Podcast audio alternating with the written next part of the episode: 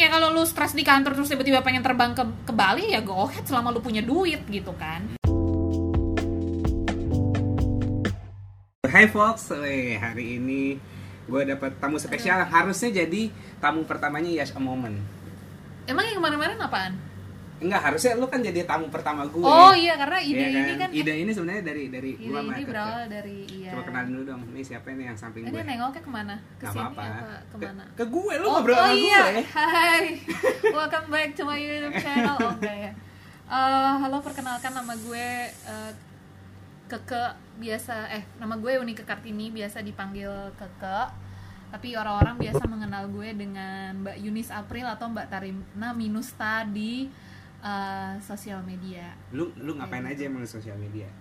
Di sosial media gue ya ngebacot aja, nyinyir, ngeluh soal kantor, eh, posting semua foto traveling gue dan share link-link atau shit posting. Hmm. Nggak, gue nggak memposisikan diri gue yang kayak eh, gue gimana gimana gitu ya udah traveler iya fotografer iya apa iya nggak yang kayak Tapi kalau kayak punya satu title tertentu lah tapi kalau dijadiin satu maksudnya kan kayak Hmm. traveler, alah. Bullshit. tapi tapi tapi nggak nggak ini yang se, sebullshit lo yang lu Hmm. paling nyaman lu disebut apa paling nyaman nggak usah banyak satu Eh, aja Sebetulnya lebih ke pekerjaan gue digital strategis. Malah gue nggak mau dikenal.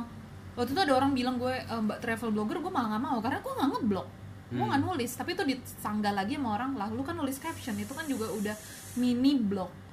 Ya kalau gue sih lebih pengen dikenal karena skill dan skill dari yang terbentuk karena dari pekerjaan gue yaitu digital strategis itu aja lah. oh digital strategis ya Gitu aja deh. nah jadi Walaupun itu juga bullshit sih.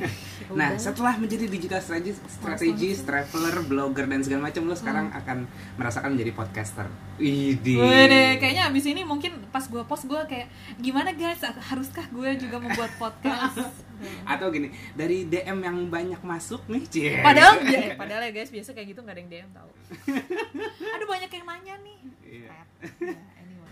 Sometimes. Yang yang yang lagi rame sekarang apa sih? Kita ngomongin yang lagi rame deh. kita ngomongin yang lagi rame yang lagi rame itu eh, kalau gue personally kalau lihat yang lagi rame biasanya gue jarang lihat Instagram Hmm. kiblat gue adalah Twitter Oke. dan yang lagi gue bahas sebetulnya dari tadi pagi itu adalah tentang pemprov DKI membayar lima orang influencer Hmm. sebesar 5 m Iya, satu gua lihat, satu lihat. m Nah, itu, itu- lagi gue bahas Nah, Apa yang nih? yang lu tangkap dari itu apa? Yang dari perspektif lo? dari perspektif gue eh, sebetulnya adalah satu pertama eh, kenapa data Excel sheet itu bisa eh, bocor keluar tapi ya ini Jakarta ya ini Indonesia dan ini digital akan ada selalu orang-orang bodoh seperti itu yang tiba-tiba bocor Gua demen nih.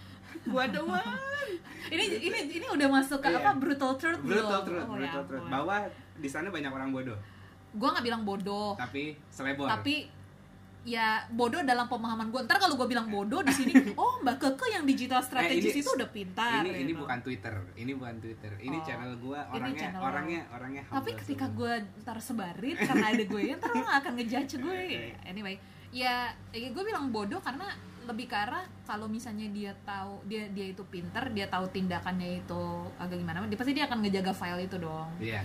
Nah, eh, kedua sebetulnya bukannya bodoh ya. eh, gue ngelihat netizen tuh langsung yang kayak anjir 5M berarti satu orang 1M.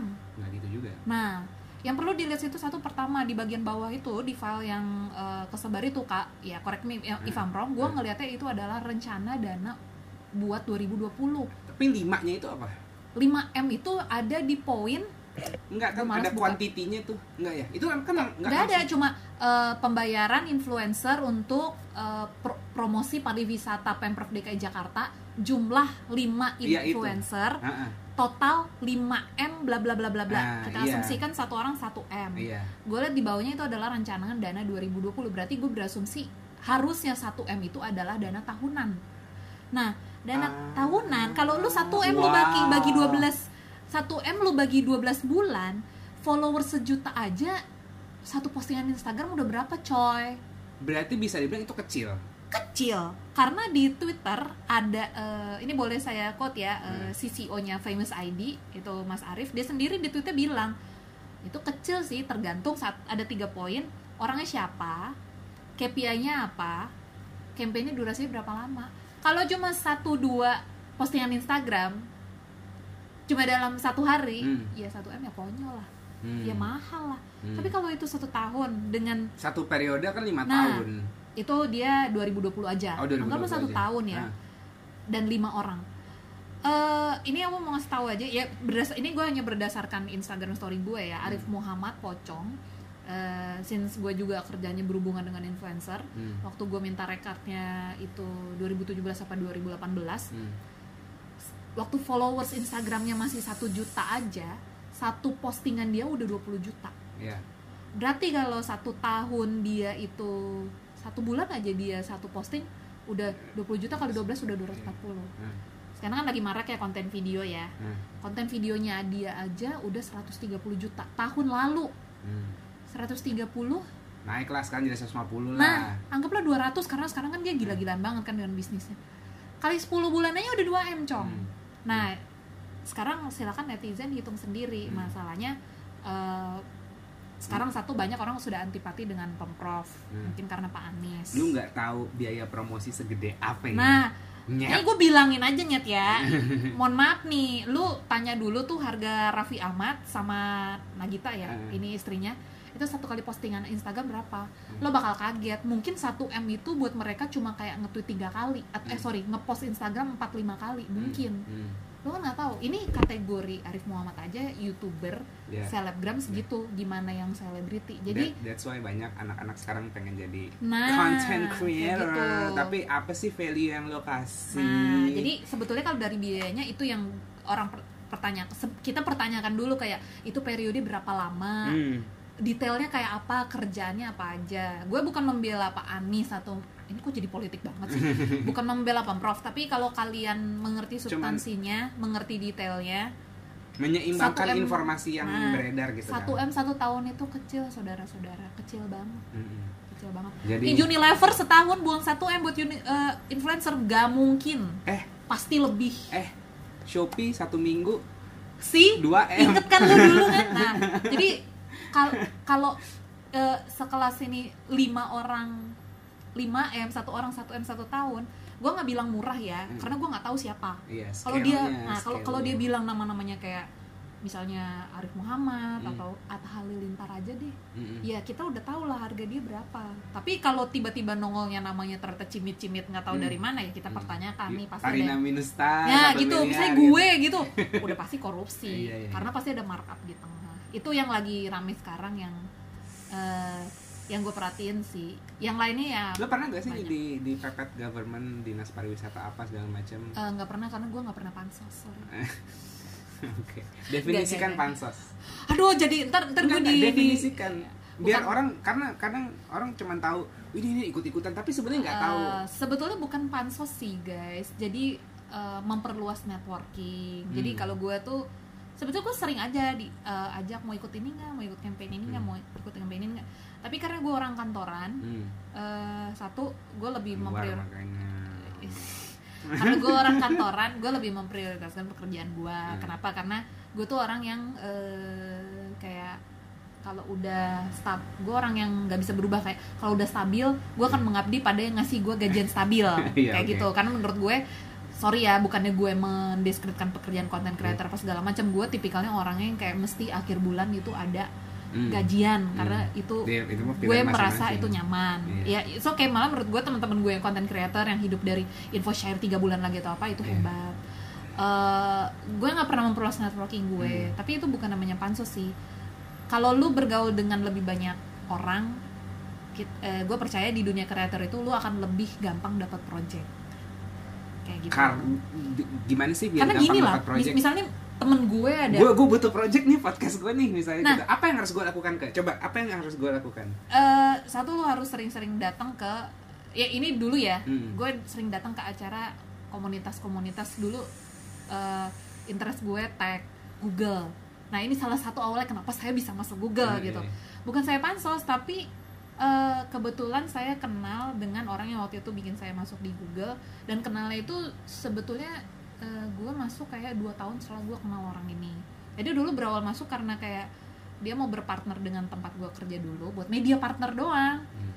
akhirnya kayak gue sering datang ke acaranya yang diadakan orang ini sering ketemu gue menjadi loyal apa loyal guest lah Hmm. apa-apa so, eh, waktu itu audience loyal audience loyal audience lah ada ya, apa-apa visitor ya. pengen eh, jadi volunteer gini-gini bla bla bla bla bla bla bla terus sering kayak gini-gini Hmm. kalau gue dulu tipenya kayak Collab, eh collab. ayo brainstorming bareng yuk Ah. gue nggak pernah kayak ngitung ah nanti ongkos gue ke sana gue Iya, buang iya. waktu ah nanti gue harus bayarin makan enggak kalau gue tipenya kalau emang gue rasa itu faedah Hmm. oke nah dari situ eh, jadi sering bantu-bantuin volunteeran aja sampai waktu itu Google lagi nyari orang ya mungkin karena udah deket kan. Kadang-kadang gitu soalnya akan lebih memilih saya gue nih apa segala macam gue akan lebih milih ah ya share aja deh yang buat project lu. Misalnya buat Karena IO kenal, atau apa iya. karena udah kenal. Nah itu hal yang sama terjadi dari kreator.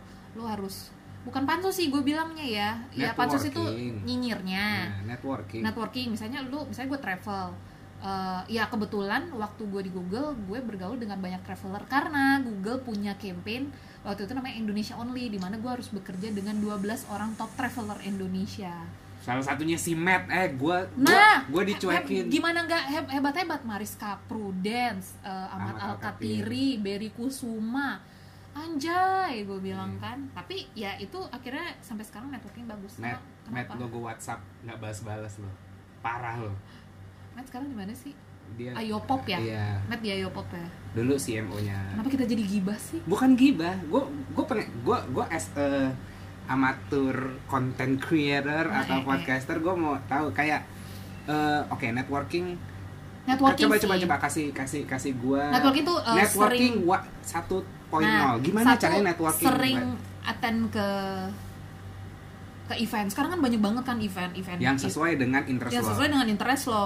Eh, gue nggak eh misalnya kayak podcast. event Eh, podcast belum ada eh. event podcast nggak ada, tapi event yang pembicaranya adalah podcaster. podcast, iya, iya. Nah, Banyak. itu udah banyak. Contoh kayak Segario sama Felixandro Ruby kan mereka 30 days of lunch. Hmm. Nah, di event-event yang berhubungan dengan investasi, event-eventnya Samsung apa segala macam, mereka sering oh menjadi dia ngomongin duit gitu enggak juga. Eh, dia ngomongin duit tapi kayak gini, kayak Ar- Aryo udah udah berkeluarga, udah punya anak. Si Felixandro gue nggak tahu lah dia lebih, lebih ke kreatif.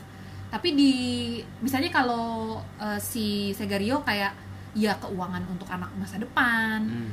gimana mengatur keuangan ketika eh, lu suami tapi konten kreator dua-duanya bukan orang kan misalnya dua-duanya bukan orang kantoran itu gimana bla bla bla bla dan di podcastnya Aryo curhat babu curhat babu tuh dia sama istrinya Nucha Hmm. Hmm. mereka sering membahas hal seperti itu mulai dari kayak marriage apa segala macam salah satunya pasti kan kalau pernikahan kan keuangan Ah. Nah, jadi podcaster-podcaster ini banyak juga diundang ke acara-acara. Nah, saya udah datang ke situ. Dari situ kan lu bisa jadi di dalamnya ada orang agensi, ada orang dari kantor mana, Ah. ada apa dan kebiasaannya kan kalau lu memang supel. Kalau gue kan datang ke suatu acara kayak tetot tetot Ah. udah gue pulang karena gue emang kayak gue aja mau gimana cara kita ke discover sama orang-orang itu awalnya yang ya gua, gua- pertama satu itu dua kadang mungkin agak gimana nya Sebelum- nanyain pengen collab bareng atau Oh. sering bertanya di ini apa sebelum nge-podcast dia udah rame gak? Mas- Maksudnya oh, internet person kalau juga gak? dia internet person Oh, dia internet tech person. reviewer kalau Felixandro dia food eh, dia dulu food blogger Hmm. tapi dia main video juga Hmm. eh, di Wonder Bites jadi memang sebetulnya dua-duanya sudah ya lumayan well known lah di Hmm. eh, ranah para peminatnya Hmm. tapi mereka makin naik lagi menurut gua ya Hmm. correct me if I'm wrong karena mereka main podcast dan Hmm. gua pun gua gua pun nggak banyak denger podcast maksudnya tapi gue tahu 30 days of lunch gue tahu curhat babu Nah, lu ke gitu. lu bisa karena gue follow Aryo Enggak, eh, Apa? kalau dari lo sendiri kena eh, bisa develop eh, diri sendiri develop eh, platform lu gimana komunitas lo?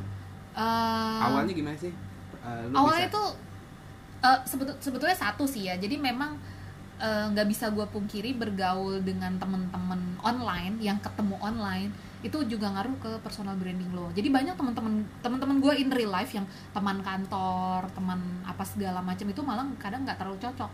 Malah yang cocok ini temen ketemu kopdar. Dulu Hmm. ada yang namanya SMSC itu Social Media Strategist Club Hmm. itu isinya semuanya ngeri. namanya doang Mali ngeri, kebanyakan ngeri. di dalamnya adalah anak-anak admin sosial yang menderita harus mengerjakan pekerjaan klien Iya, iya. Iya. Isinya gibah semua dong.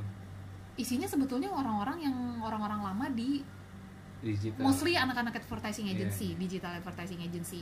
Nah dulu tuh kalau nggak salah masih sering meet up, dari situ kenal banyak. Gue juga nggak nyari job kalau gue di situ cari network buat eh, lebih kayak influencer Hmm. apa segala macam bla bla bla bla.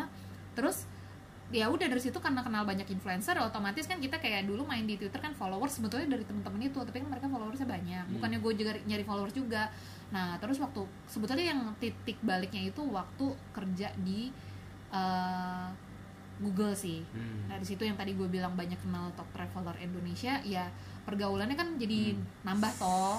Pergaulannya jadi nambah. Terus gue kerja di kebetulan gue kerja di Kibar juga network kerja di Kibar juga gila, networknya juga nambah. Hmm. Eh, dari situ mungkin kayak kedengeran dan gue walaupun gue tidak rajin membuat konten gue sendiri, tapi yang waktu itu dikenal adalah gue suka sharing informasi atau link-link seputar teknologi. Jadi ya, awal-awal kan nah, lu ngomonginnya tech tek banget tek mulu kan sekarang aja gue baru travel travel dan karena mulai mulai capek tapi gue tetap ngikutin perkembangannya karena kan gue kerja di tech Hmm. industry juga Eh, nah dari situ segala macam gue mulai masuk Instagram kayak kayaknya Instagram lucu Hmm. nih apa segala macam apa keden- kedengeran kan Kedengeran gue, gue ngecek baterai. nah eh, kalau ditanya sejak kapan Instagram gue mulai mencuat itu ya gara-gara satu orang yang namanya Alexander Tian amazing Hmm. jadi dia dua kali nge-feature gue kayak Hmm. nih kontennya apa segala macam karena dulu gue rajin banget insta bikin insta story yang Hmm. kalau orang lain mungkin kayak eh, Hai guys gue lagi gini-gini gue tuh ya mungkin teman-teman yang udah tahu insta story gue gue jarang banget Hai guys Hai guys Oke. tapi gue kayak share konten orang lain atau gue bikin uh, pemahaman atau gue bikin review gue sendiri atau tapi gue jarang banget ngeliatin muka gue karena gue sadar gue tidak cantik ya Ah, ini poninya ini bikin ya kayak- Oke, kayak- oke, nggak oke. karena gue lebih fokus orang dapat something dari gue daripada memperhatikan fisik dan apa gue Hmm. nah mungkin dari situ kayak dari Alex uh, Amazing juga Hmm. ngeliat dan gue dua kali di feature ya itu sebabnya ya terima kasih untuk Alex. Hmm. uh, followers gue bisa sampai kayak sekarang. Dan gue Oh. juga gue juga nggak nggak tahu kenapa bisa sebum itu. Waktu itu gue baru pertama kalinya gue jalan itu ke Manado. Akhirnya dari situ gue juga wah ternyata memiliki teman online itu enak juga ya. Jadi kalau lo tanya networking itu adalah ya itu memang start small dulu. Dan gue kan ya tadi gue bilang bekerja di agency ikut SMSC itu bekerja di agency itu dari tahun 2013 berarti kan kalau sampai sekarang kan total total sebetulnya udah 6 apakah tahun kan. apakah dengan punya teman tapi itu cara yang sangat lambat guys kalau sekarang mau lebih cepet sih Hmm. udah lebih enak ikut acara-acara ya gue nggak cepet tapi tidak konsisten sekarang masih berteman baik orang-orangnya masih sangat-sangat berteman baik lah nggak yang hilang atau apa nah eh, menurut lo kan banyak banget kayak lo eh, banyak teman di online tapi Hmm. di kalau di offline-nya ansos misalnya kayak Iya. gitu emang berbanding lurus ya kayak punya teman di online berarti lo ansos di offline eh ini gue mungkin cerita dari gue dulu ya Hmm. kalau gue sendiri sebetulnya mungkin waktu itu kayak dua tahun lalu teman online gue lebih banyak hmm. sampai sekarang pun juga masih banyak gitu Hmm. dan eh, tapi teman-teman offline gue juga sebetulnya juga banyak kan akhirnya dari teman online nih kayak ada dua orang Aro Ari dan Momon mereka tuh ketemu online. Akhirnya sekarang eh, kayak two of my best friend yang mungkin jarang ketemu tapi sekali ketemu enak juga Hmm. ngobrolnya. Imbang sih kalau sekarang ya karena eh, dengan mereka gue nggak perlu bahas kerjaan kantor. Hmm. bukannya gue nggak gimana gimana ya bukan gue gimana gimana mana kantor tapi gue juga punya kehidupan. Beda beda. Punya Iya ininya kayak gitu. Kalau ngomong mereka kayak bisa, oh gitu ya, gue belajar hal baru gitu. Eh, kalau yang tadi lu bilang, mungkin kadang iya, mungkin kadang gue bacot di Hmm. online. Eh, tapi kok kalau diundang ke acara-acara, sebetulnya gue agak males untuk datang karena gue orangnya tipikalnya nggak bisa mingle kecuali gue ketemu kayak yang udah sohib banget nih. Hmm. Misalnya kayak ya ada beberapa yang teman di online gitu yang gue bisa hitung dengan jari yang masih sampai sekarang berteman Hmm. baik itu pun kadang ya udah gue diem aja kayak energi gue kayak keluar banget gitu dan gue lebih bisa berkata-kata pada saat di online. Dan uh, to be honest banyak juga yang kayak gitu. Banyak banget yang kayak gitu yang kayak kalau Di di, online cerewet. di, di online cerewet banget. Di terus di offline dia cerewet juga tapi dia ya, dia cerewetnya di offline sambil cerewet di online. Hmm, itu ber- itu berbanding lurus gak sama keyboard warrior? Oh itu beda lagi kalau Beda keyboard lagi ya? warrior. Keyboard warrior kayak konotasinya lebih ke SJW lebih ke apa ya dari teman-teman gue personally aja ya Hmm. dari teman-teman yang teman-teman online gue kenal uh, luckily gak ada yang keyboard warrior sih Hmm. semua sama personality-nya dengan mereka di online Hmm. sama di offline sama-sama humble sama-sama cerewet juga cuma mungkin kayaknya ada yang salah sama gue aja sih nggak rata-rata begitu cuma kayak kalau gue gue lebih ke arah kayak udah males bergaul kalau ada kopdar kopdar ya blogger blogger lain kayak mungkin masih bertahan karena masih sering datang ke kopdar masih Hmm. sering datang menerima event klien gini-gini kalau gue Hmm. lebih baik saya tidur saja di rumah daripada itu mungkin yang menyebabkan saya tidak terlalu ngangkat dan followers gitu-gitu aja tapi it's okay tapi apa, apa- emang maksudnya eh, apa yang lu apa, apa- kan ini kan sebagai salah satu channel lu untuk kayak apa aktualisasi diri aktualisasi me- mengelua- me- me- apa me- menyampaikan aspirasi. Eh emang gue mau nyalon jadi presiden? Anyway. Go- goalnya emang mau ke mana ke platform Eh, atau community lo ini? jujur eh kira jujur. Jadi lo tau gak sih kayak tadi yang tadi bohong. Enggak influencer itu suka gini.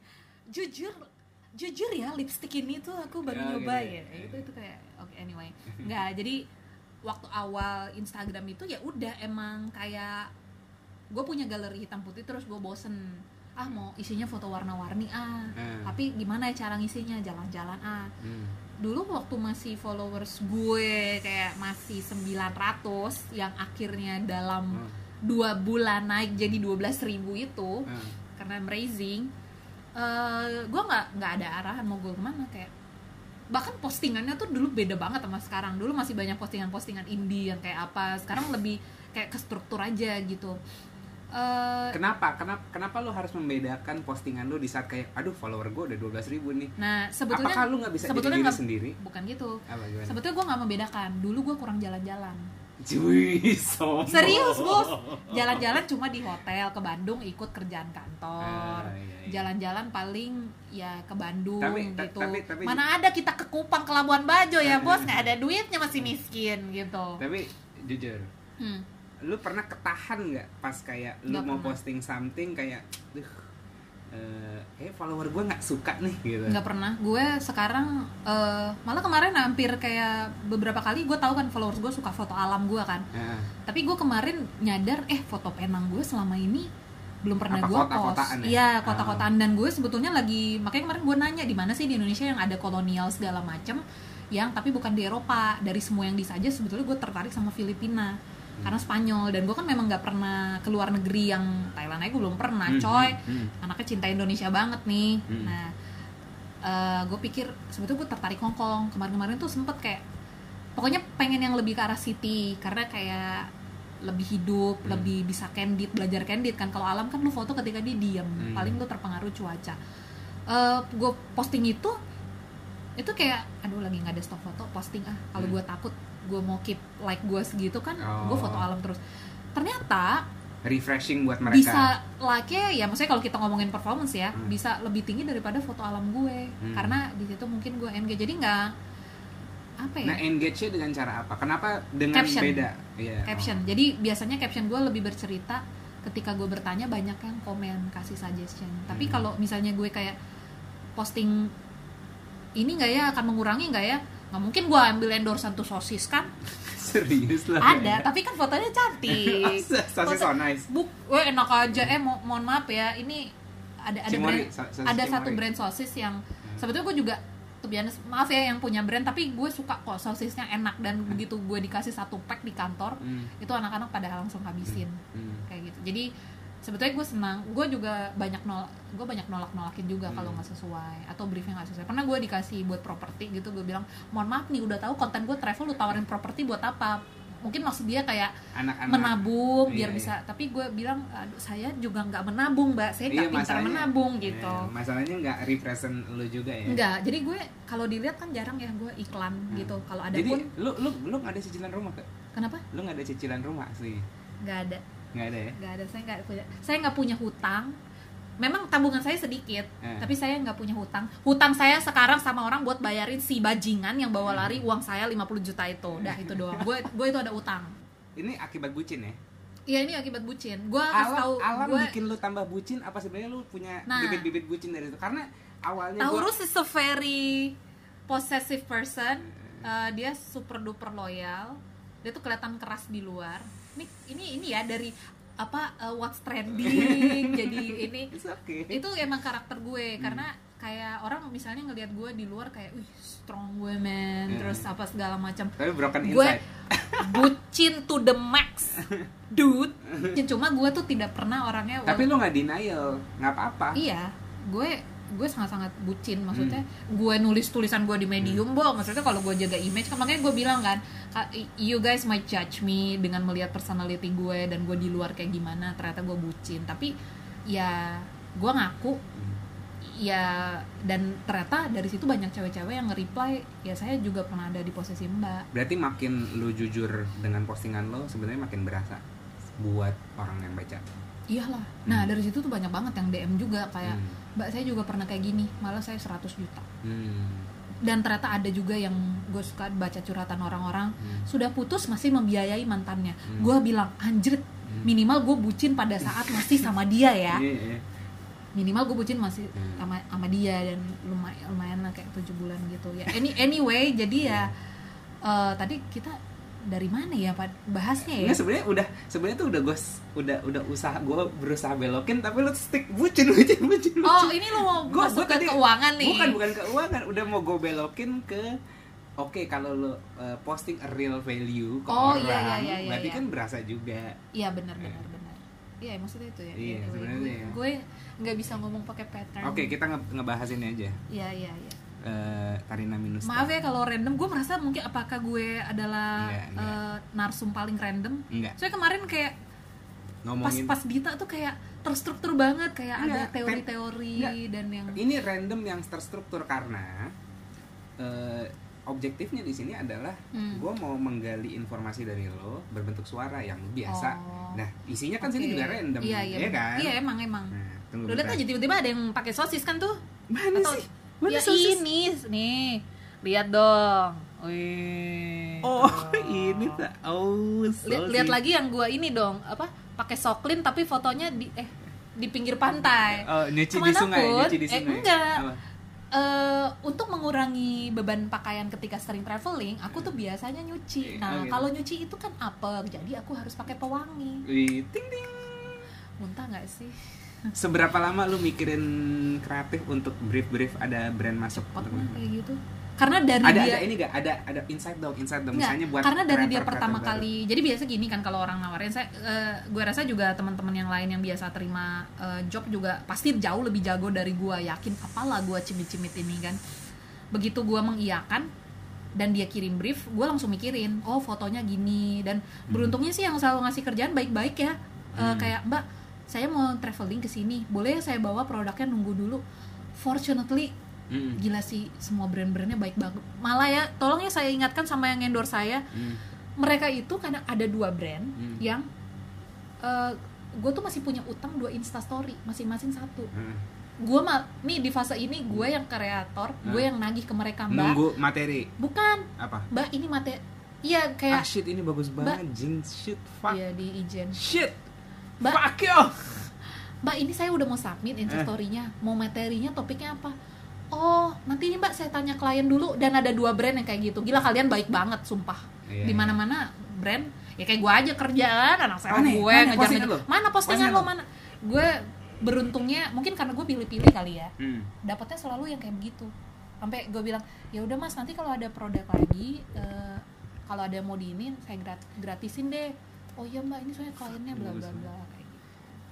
Uh, brand impian lo yang kayak anjir andaikan gue di endorse dia sebetulnya udah ada sih. Apa? Samsung. Oh udah udah pernah? Samsung Galaxy Fit gue tuh dari Oh, dari dari itu. dari Samsung. Iya maksud gue oh, nice. apalah aku ya yang hanya cimit-cimit ini bukan tech reviewer dikasih endorsean walaupun itu harganya nggak mahal ya tapi tetap dari brand brand iya kayak "Ah, anjir Samsung gitu kan. Hmm. Itu sih maksud gue ya kalau nanti yang lain ada kan Apple tuh nggak mungkin Hmm. Apple kan udah nggak mungkin kecuali gue yang kayak udah kreator tinggal di Iya. US atau segala macem cuma ya eh, di, dipercaya sama Samsung untuk ikut woro-woroin Samsung Hmm. Galaxy Fit waktu itu dan itu bener-bener gue tambahin di luar benefit sih dia cuma minta berapa foto apa segala macem ya gue promoin terus karena gue waktu itu ra- lagi rajin lari lagi rajin emang berolahraga gue trekking ke gunung gue pakai. Karena dia ada pilihan hikingnya juga. Hmm. dan gue ngulik banget sih Samsung Health itu. Hmm. jadi karena itu tadi setiap kali gue ngambil job eh, gue pastiin gue memang cocok sama message-nya cocok sama produknya kayak gitu. Kayak ini ada satu yang belum gue bikin tapi cocok. Karena temanya adalah bikin dingin aja lagi cocok dengan gue yang lagi stres dan Ah. sering menguap-nguap marah sama kerjaan kantor cuma Hmm. gue belum bikin kontennya Oke, ini aja deh bahas nih ini tai banget di foto gua ngiri. Gua ngiri tai nih anjir bagus. Iya, ini itu. ini di mana? tunggu itu captionnya apa ya? Captionnya apa dan ad- ada apa di balik foto ini? oh ini jadi di Ijen Hmm. yang motoin yang mas-mas gatur udah gitu doang ceritanya Terus ya emang dia pinter pinter motret aja kok nggak backlight? ya gimana backlight kalau cahaya masih orange pagi Heeh. eh, nggak akan kelihatan Nggak gelap terlalu gelap nggak ya? yang Oh. harsh itu yang sore-sore Iya, iya, iya. jam-jam 3 begini kalau pagi kan Oh, malah ah. jadi ini glowing gitu. glowing Harusnya dipantulin lagi ya, ada reflektor Nah, depan itu bagus harusnya, eh, banget. mohon maaf nih kita kan bukan model ya bukan bukan selebgram kekinian Lu model ngapain gitu. ke sini? Ceritain dong backstory-nya atau ada Oh. ada ada ada backstory yang paling lu mau share via ada, suara? since sudah lu itu ya itu aja. Jadi intinya gini, Mm-mm. gua itu ini ketiga kalinya gua ke Banyuwangi. Oke. Bayangin ya, Hmm. dalam satu tahun ini ketiga kalinya gue ke Banyuwangi, tapi gue nggak pernah sempat ke Ijen. Oke. Per- Jadi eh, gue sebetulnya mau ke Ijen sama seorang teman gue yang bernama Halo Dion. Akhirnya kita nggak pernah jadi ke Ijen ya. Eh, sama dia tuh, wah adventure adventure Hmm. gitu kan, apa segala macam kayak ngelihat videonya apa tuh namanya? Aduh, gue lupa deh ada pokoknya video orang luar itu. Hmm.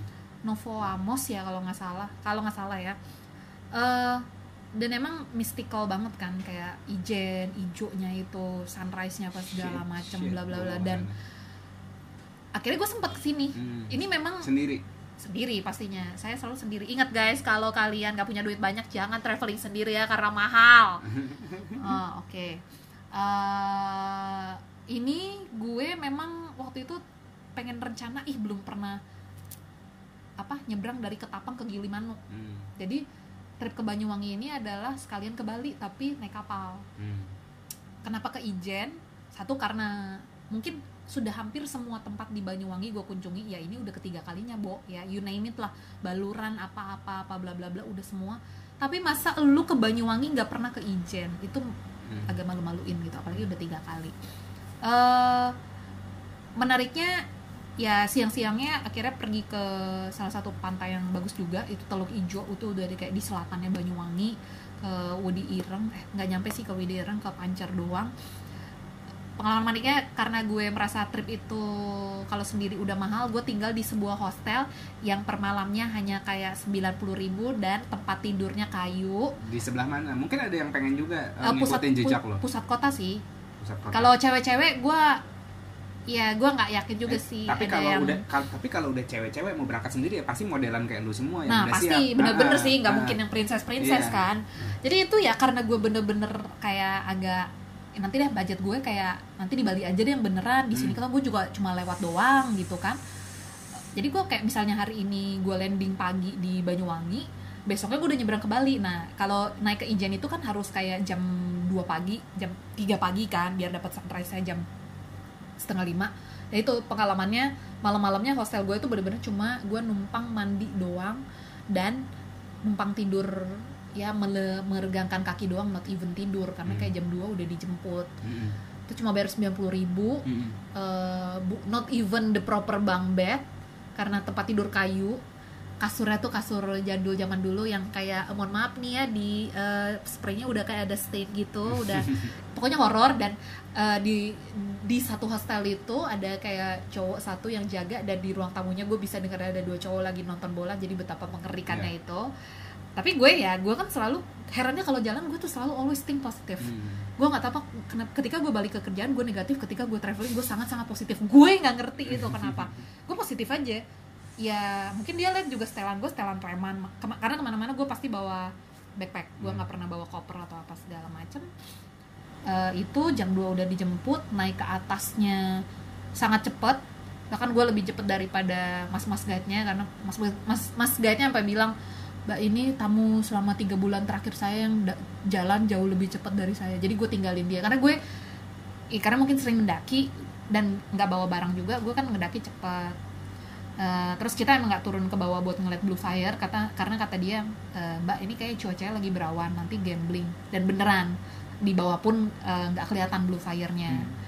yang paling menyenangkan adalah eh, nungguin sunrise sambil api unggun gede banget dan sunrise-nya itu kayak cantik banget Hmm. pokoknya kayak nggak bisa lu tangkep pakai kamera ini ini yang lu lihat di kamera di foto gua itu yang eh, ya udah yang udah jadi foto aslinya lebih iya. indah lagi di Iya, sana iya. karena kayak sepengalaman gue jalan-jalan di alam itu eh, mau kamera semahal apa pun mau lensa sebagus apa pun mau filter sebagus apa pun device sekeren apa pun nggak ada yang di situ lu sangat bersyukur kenapa lu dikasih mata sama Tuhan dan ya bukannya gue gimana gimana ya mungkin nama yang tunanetra atau apa tapi you should be thankful karena lu punya mata dan ketika jalan-jalan kalau mata lu kenapa-napa itu aset paling berharga. Apalagi kalau lu bikin konten yang segala macam itu sunrise itu adalah the best moment di Ijen. Ya itu ceritanya ya seperti itu Iya, mata tuh buat ngerekam sebenarnya. Iya, bukan nggak- bukan menilai. bukan ma- ma- ma- kamera cuma jadi barang Iya. ba- jadi foto Mata buat di merekam, Instagram Bukan kayak nah mata itu nyampe ke otak nyampe ke hati nyampe ke Hmm. pikiran lo hmm.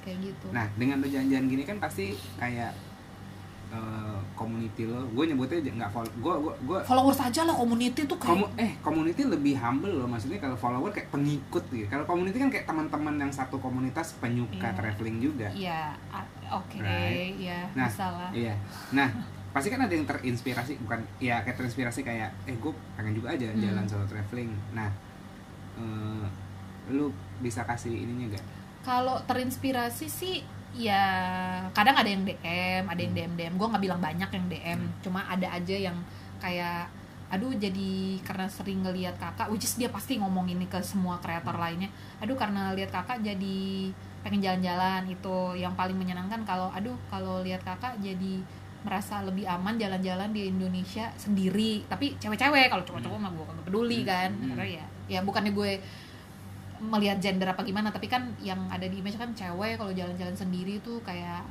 jarang banget Hmm. gitu istilahnya. Ya dia terinspirasi terus ada yang terinspirasi juga untuk nabung. Walaupun sebetulnya tanpa dia ketahui saya malah tidak bisa menabung. Eh, apa namanya? Ya eh, terinspirasi untuk nabung atau ada kadang-kadang kan ada beberapa lokasi kayak waktu itu gue ke Baduy Dalam nah orang nggak ada yang tahu sebetulnya cara ke Baduy Dalam itu gimana karena biasanya Baduy luar Hmm. akhirnya gue bilang oh ini ikut tripnya ulang treh tapi itu di Jakarta lalu jadi em, nggak gue nggak bilang hidden gem ya tapi yang kayak mungkin secara mainstream nggak dilakukan sama mungkin cewek dan sendiri Iya, gitu iya, iya. ke Baduy temennya semuanya cowok Hmm. tidur barengnya semua sama cowok-cowok Hmm.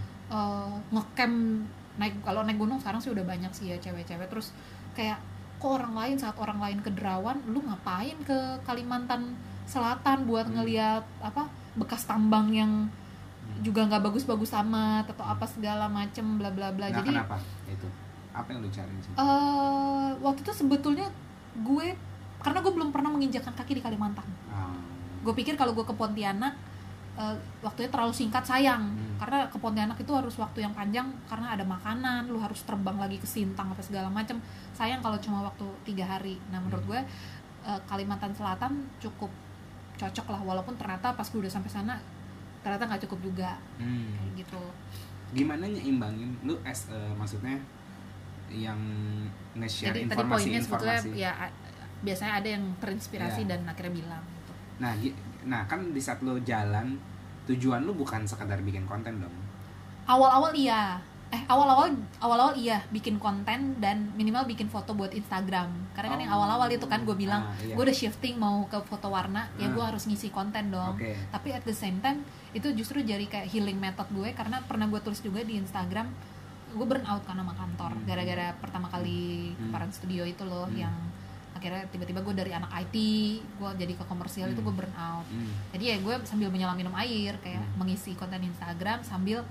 eh, menyembuhkan luka luka di jiwa nah sekarang gimana maksudnya gini apakah dengan kayak niat bikin konten tetap bisa nikmatin perjalanan nggak kan ada yang kayak Nah, ngambil aja terus nggak That's why nikmatin saya tidak bermain video karena bermain video itu takes time Hmm. banget, mesti fokus apa segala macam.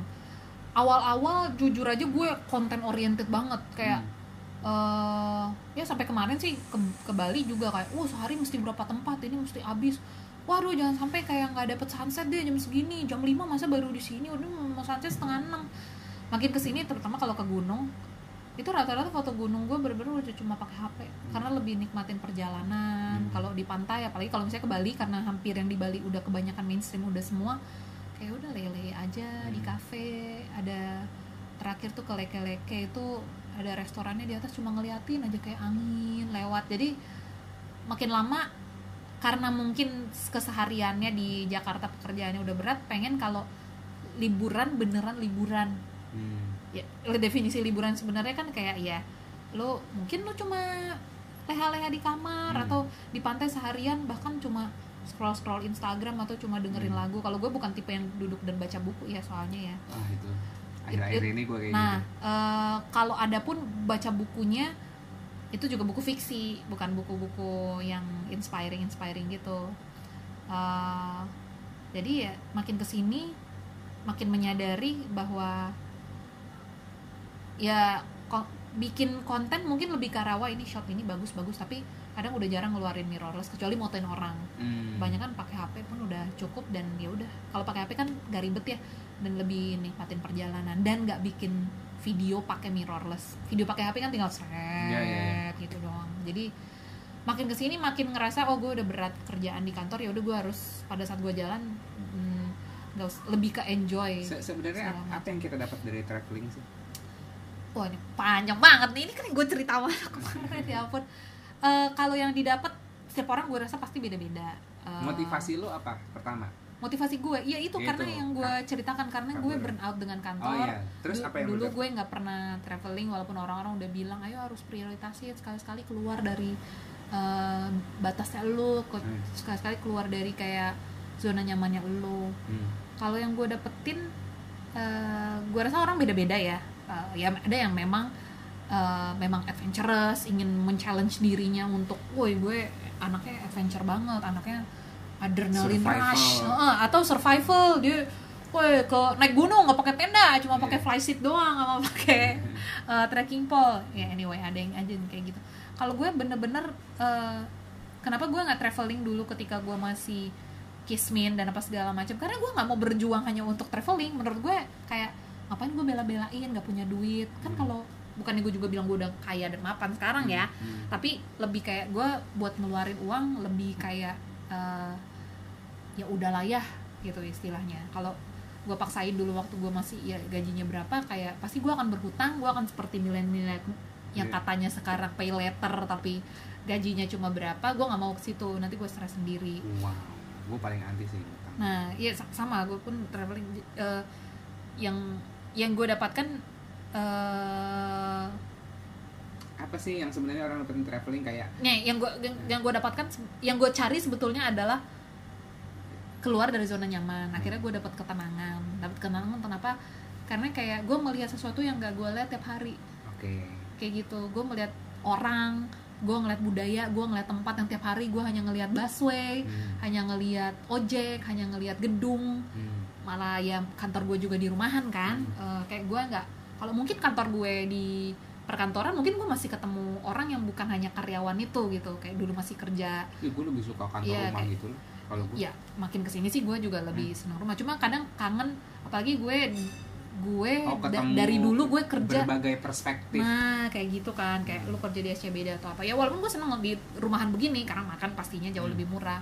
Hmm. Eh, dengan traveling kayak ketemu orang bukan cuma ketemu karena gue jalan sendiri seneng ya gue jalan sendiri mau nggak mau gue yang sebetulnya jarang banget males banget ngobrol sama orang baru mau nggak mau gue harus ngomong Ah, kayak oke. masa gue diem dieman sama Hmm. supir masa Hmm. gue akhirnya gue kayak lagi nongkrong air terjun apa segala macam gue dari situ gue tahu cerita banyak orang nah dari situ gue tahu cerita banyak orang gue ngobrol sama siapa aja bahkan yang kayak ya tukang apa apa Hmm. segala macam ibu yang jaga kulineran setempat apa segala macam liatin dapurnya apa segala macam kayak apa sampai tukang becak bla bla bla ada bla?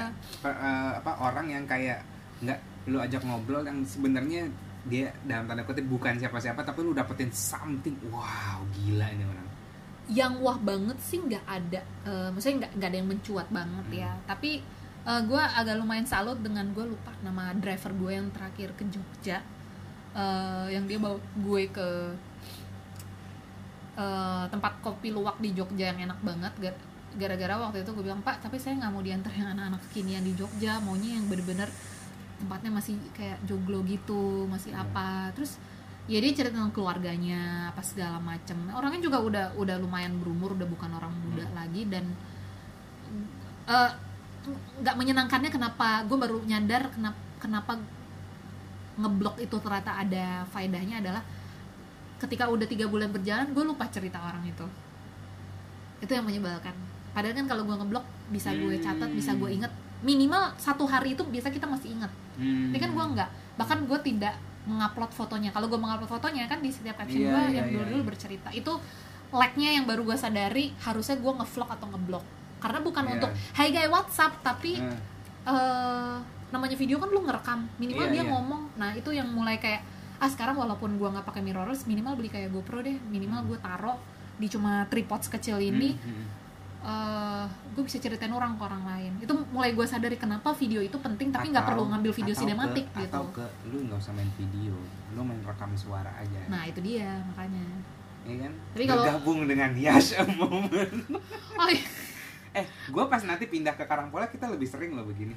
Ya tapi Serius ya loh? sebetulnya apa pun medianya adalah gue mulai menyadari gue tidak punya media rekam Nah, media rekam baik itu visual atau audio atau audio visual itu yang gue sesalkan hanya foto dan foto ketika kalau gue kadang di pesawat sambil eh, terbang airplane mode gue suka ketik-ketik Hmm. buat oh ini nanti apa yang baru gue dapat gue Iya. ketik-ketik-ketik tapi kadang-kadang gue capek gue lupa apa segala macem dan memang gue lu tadi kayak awalnya. gini rekam suara kayak karena memang dari lagi. awalnya gue memang tidak ingin membuat konten yang gue Iya, taruh iya, di iya, sini bener, itu bener, kan bener. kayak Iya, iya, iya. gue bukan jalan untuk bikin konten mungkin kayak ya pada umumnya orang yang memang duitnya dari situ. Hmm. jadi gue pikir ah buat apa? Biar aja itu kayak eh, apa namanya gue inget aja nih bapak gitu. Tuh pasti nomornya nomor teleponnya pasti ada di phone book gue kalau Hmm. gue mau ke Jogja lagi biasanya Hmm. mungkin sama dia.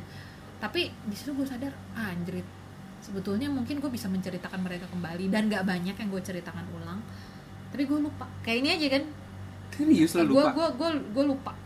Oke jadi value-nya adalah kalau bisa kalau lu ya emang guys kalau kalian emang niatnya tuh bercerita bercerita nah harus itu. punya media untuk ngerekam itu Iya, kayak salah satu idola saya Kak Windy Aristianti dia kalau nggak salah punya buku buku tulis dan Oh. lo kalau follow akunnya dia wow she's a good storyteller ngomong-ngomong gue. soal buku Hmm. shoot out to Kak Muara Makarim eh, ada ex Shopee juga tapi lo kayaknya udah cabut Hmm. terus nggak lama dia masuk jadi Hmm. head of PR nya Shopee. Yang Mm-mm. narik kayaknya juga Matt juga tuh Hmm.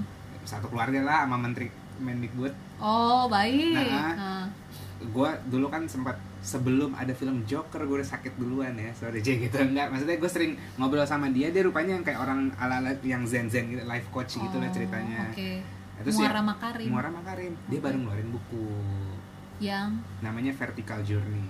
Jadi dia nyeritain eh, kayak ibunya meninggal terus dia cancer survivor juga oh terus oke. dia ngabisin terus dia ngabisin seluruh duit tabungannya untuk traveling dalam satu tahun wow nah mungkin lo terinspirasi dari ya situ tapi mungkin tabungan dan duit saya belum sebanyak dia ya oh, baik oh iya benar marganya juga beda soalnya Iya, ini bukan Makarim. Makarim. ya. Tapi Kalau- bagus juga ya, berarti Hmm. emang mungkin it's in their blood ya untuk jadi orang-orang yang ya terlepas dari mereka memang udah keluarga mampu, Hmm. ya bisa punya pendidikan tinggi dan apa segala Hmm. macem. Tapi ya maksudnya menjadi orang kaya dan tajir berpendidikan yang bukan snob atau apa. oh enggak enggak enggak gila Iya. parah masih kadang-kadang ya zaman-zaman gue kayak curhat gue curhat voice note kan dibales gitu kayak padahal gue kenal paling baru tiga Iya, iya. bulanan gitu di Shopee nggak lama gue keluar Menarik. Ya, sebenarnya malah orang snob biasanya yang yang, Yang middle baru-baru, kan, yang yang OKB middle. OKB gitu nah, deh. yang snob biasanya kayak gitu Semakin tinggi kan semakin udah melalui banyak, Hmm. semakin mencarinya juga udah bukan material Hmm, kan, hmm, hmm. mencari ketenangan jiwa atau lanjut tadi ngomongin apa ya sebelum yang disensor tadi ya Eh, kayak itu tadi value yang didapatkan dengan traveling akhirnya kita Hmm. bahas si ma apa Makarim oh iya Ya. si kak Mumu. Akhirnya bahas ke situ. Jadi ba- banyak hal lah banyak hal. Salah satunya yang saya pernah ceritakan ke Yaser saya jadi lebih cinta dengan Indonesia. Saya pengen jadi pendidik dan pengajar walaupun I have no idea. Dan uh, menjadi pendidik dan pengajar itu ja- sebelum bahkan Bapak Nadiem Makarim menjadi Mendikbud ya. Bukan karena terinspirasi wah orang digital mbaknya nanti gini. Enggak no. Tapi nggak tapi lu nggak denial juga dong dengan dia jadi Mendikbud? Nah gue seneng banget sih. Parah walaupun gila. kata orang eh, ya kita lihat dulu. Ntar tentunya di reshuffle lagi kayak Pak Anies. Ah, ya kayak gitu. Dan kenapa gue ingin peng- jadi pengajar dan apa segala macam Eh, karena gue melihat lebih. Kalau tiba-tiba gue kucuk-kucuk aku ingin jadi pengajar gini-gini cuma karena pengen gue sosial atau apa? Ya, belum tentu juga. Gue nggak ada. Eh tunggu gua gua penasaran deh. Kenapa ya orang terlalu terlalu overvalue future? Apa pun yang apa pun yang ini agak bijak ya. Ini Iya. kalau gua kan boleh boleh boleh eh, boleh boleh. apa pun yang kayak terjadi di momen itu yang diobrolin pasti future-nya. Kenapa ya? Kayak misalnya Mas Nadim, Pak Hmm. Nadim, Mas Nadim, Mas Menteri kepilih, Mas Menteri, Mas Eh, Menteri. Mas Menteri. Kepilih, Mm-mm. terus orang langsung langsung kenapa ke langsung kayak ah reshuffle nih, kenapa nggak lu nikmatin momennya bahwa oh oke sekarang menterinya ini, Nah. yuk ya udah experience aja gitu, kenapa lu banyak kayak gitu, gue rasa itu sebagai manusia itu gue rasa wajar dan itu nggak di Indonesia doang deh. Maksudnya pasti akan ada selalu orang-orang yang optimis dan orang-orang pesimis dan lu nggak bisa menghindari hal itu Hmm. itu terjadi di setiap lu orangnya ini gak yang terlalu loncat ke kalau gue eh tipenya just give him just give it a try aja gitu lihat kan? lihat aja nanti kayak Hmm. gitu nggak mau langsung yang eh, gini gini gini apa segala macam bla bla bla. Dan ada orang-orang yang kayak kemarin kan gue ngepost kan tentang kayak wah mesti open space nih tempatnya. Pas Hmm. walaupun gue tahu ya open space itu berarti ada budget. Budget itu berarti belum akan masuk di anggaran 2020 tapi kita lihat idenya dulu aja. Minimal bapak ini eh, sudah punya ha- Aduh. inilah ide untuk ke sana ya gue paling benci kayak lu dari depan udah lu bunuh idenya. Iya, apa-apa iya. juga ide kayak gitu. Soal nanti eh, itu Indonesia tuh duitnya banyak jir. Lu jangan apa-apa budget terlalu sebenarnya kalau emang gua gua gua orang quality. Maksudnya Hmm. kayak Iya sama gue juga, gue juga emang orang quality juga. kayak Wisnu Tama jadi pariwisata kayak uh cuan event gue nih banyak Ya, masuk salah situ. kok salah? Kenapa salah? Kenapa salah? ma- tap- kalau kalau kalau lo Eh. mungkin ya oke, tapi kan eh, di kalau lu yang maksudnya secara bigger view langsung mikirnya cuan ya kalau kita kan kita kan udah ecek-ecek di bawah ya iya, ya jelas iya. kita Kalau mikirnya cuan cuma iya buat gue Nah, buat bukan lo. buat si Wisnu Nah kita mungkin dua orang Iya. berbeda. Kalau lu lebih anak ke event, kalau gue mikirnya yes, eh, karena gue melihat langsung banyak tempat-tempat. Contoh aja nih, nih Lombok ya, eh, Pas banget, cuy. tempat Kita- favorit gue. kayak Mas Wisnu nih pariwisata ini event eh, eh, Nah, mau ta- jadi- tapi gue masih lumayan idealis juga karena Oh, oke oke di satu sisi, oh lu nggak mau yang hidden gem hidden gem ini rame tapi ketika Hmm. gue pikir lagi, gue sangat egois karena ekonomi rakyat di sana tuh setiap Oh kali gue iya, lihat ada tempat-tempat baru dibangun itu kebantu banget walaupun Ah, lu iya cuma benar, buka warung, lu benar. cuma buka warung nasi, bener itu kebantu bener. banget. Iya, iya. PR Pak Wisnu Tama ini mungkin ya mestinya dengan Kementerian Lingkungan atau apa yang eh, sama Kementerian Ekonomi UMKM segala macam ya harus bekerja sama. Jadi nggak cuma Kementerian Pariwisata. Hmm. Mungkin dia ngebuka pariwisata situ, memperbagus. Tapi Tapi kan ada Kementerian UMKM, ada lingkungan berarti lu harus kayak gimana Eh, sih? jangan di ya Nah, kita lihat aja deh kayak gue kemarin ke Penang anjir mereka cuma punya tanah seiprit tapi bisa punya konservasi alam yang keren banget. Hmm. Sistem masuk tiketnya bisa beli online oh gitu hutan coy yang menurut gue kayak anjing ini mah kalau di Kalimantan lu bikin apa segala macam bla bla bla Indonesia tuh udah surga banget deh lu kalau tapi kita tuh sorry itu say Hmm. bodoh dalam pengelolaan Hmm. Itu aja. Tapi itu ironisnya ini tau eh, ironis makanya PR besarnya dia tuh ya bangsa yang punya uh, sumber daya alam bagus Papua Indonesia Brazil ya, Afrika. Negara ini soalnya berkembang. Afrika lebih parah. Lebih bukan negara berkembang di bawahnya es- lagi. karena enggak apa gue bilang tadi ironisnya dari eh, lu negara-negara yang punya sumber daya alam gila-gilaan jadi Iya, kan? anggapannya di invent sama orang Nah, jadi lu lihat yang biasa aja maksudnya kayak Singapura lah ah, punya ya apa kita aja lihat di kita lihat di Eropa deh Iya, Wow. SDA-nya apa sih ya gunung nggak ada, kan ada SDA nggak -nya ada mereka punya gunung yang di Iya. Kanada apa segala macam bla bla bla tapi ya ya jatuhnya pariwisata bukan Iya. sumber daya yang kayak Iya, bisa benar kan? jadi batu bara lah Mm-mm. emas harus kagak jadi ada. kalau kayak tadi mungkin lu secara anak event lu akan merasa sangat diuntungkan iya jadi eh, banyak iya. event didukung contoh kayak ini kan F1 eh, mo- eh sorry MotoGP, MotoGP kan mau yang di Mandalika kan heeh. nah dari lu penyelenggara event mungkin wah eh, pitching vendor apa segala macam dari gue oke berarti kawasan Kuta Mandalika Hmm. kawasan-kawasan di daerah sana seger eh, Selong Belanak apa segala macam pasti kan harus keangkat Heeh. dengan dengan nanti akan banyaknya tamu ke sana sampah gimana ya Hmm. Em, orang-orang yang ngebisnis di sana gimana ya terutama sampah sih maksudnya kayak anjir gak ada event aja karena karena kan akhirnya ujung-ujung kan PR itu kan ke pariwisata karena Iya. dia kan yang jadi magnetnya kan jadi ya kalau gua ngelihatnya ya lu setiap orang punya perspektif yang Hmm. berbeda kayak tadi lu ya lu cuan tapi nggak tapi salah. tapi event sekarang nggak tahu ya kayak terakhir sinkrones kan dia bikin yang kayak less plastik gitu Mm-mm. semua orang pakai bawa botol sendiri kalau hmm, arahnya udah ke sana sih. Orang-orang Iya, event sebetulnya- sekarang orang-orang kan udah udah bagus. sekarang udah pada mikir kayak oke event jangan dan event-eventnya kan premium sampah. coy. Lu lihat aja. Maksudnya Sing- gue sinkrones nggak dibilang Synchronize, premium menurut sih. gue lumayan ya lu beli tiketnya aja berapa coy? Terus lu kayak ngomong uh, Sondrenalin di GWK Hmm. tiketnya berapa? Lu Nah, itu orang-orang itu ketaker bukan menurut gue ada kemungkinan memang buang sampah sembarangan atau Hmm. tapi ketaker yang di market-market itu kayak udah lebih Lebih aware, aware, untuk ya. nah gitu nggak mungkin bikin Nah, konser dangdut apa kan gitu nah, ya udah si- ketaker ya bukan gue gimana gimana ya sama Nah, ekonomi kelas bawah ya si MotoGP juga pasti uh, organizernya internasional ke iya udah pasti itu Mm-mm. ya iyalah secara dia ngebawa punya ininya punya benchmark dia kayak gue nggak mau Iya. ini, si dari franchise-nya MotoGP-nya ini kan jatuhnya franchise juga.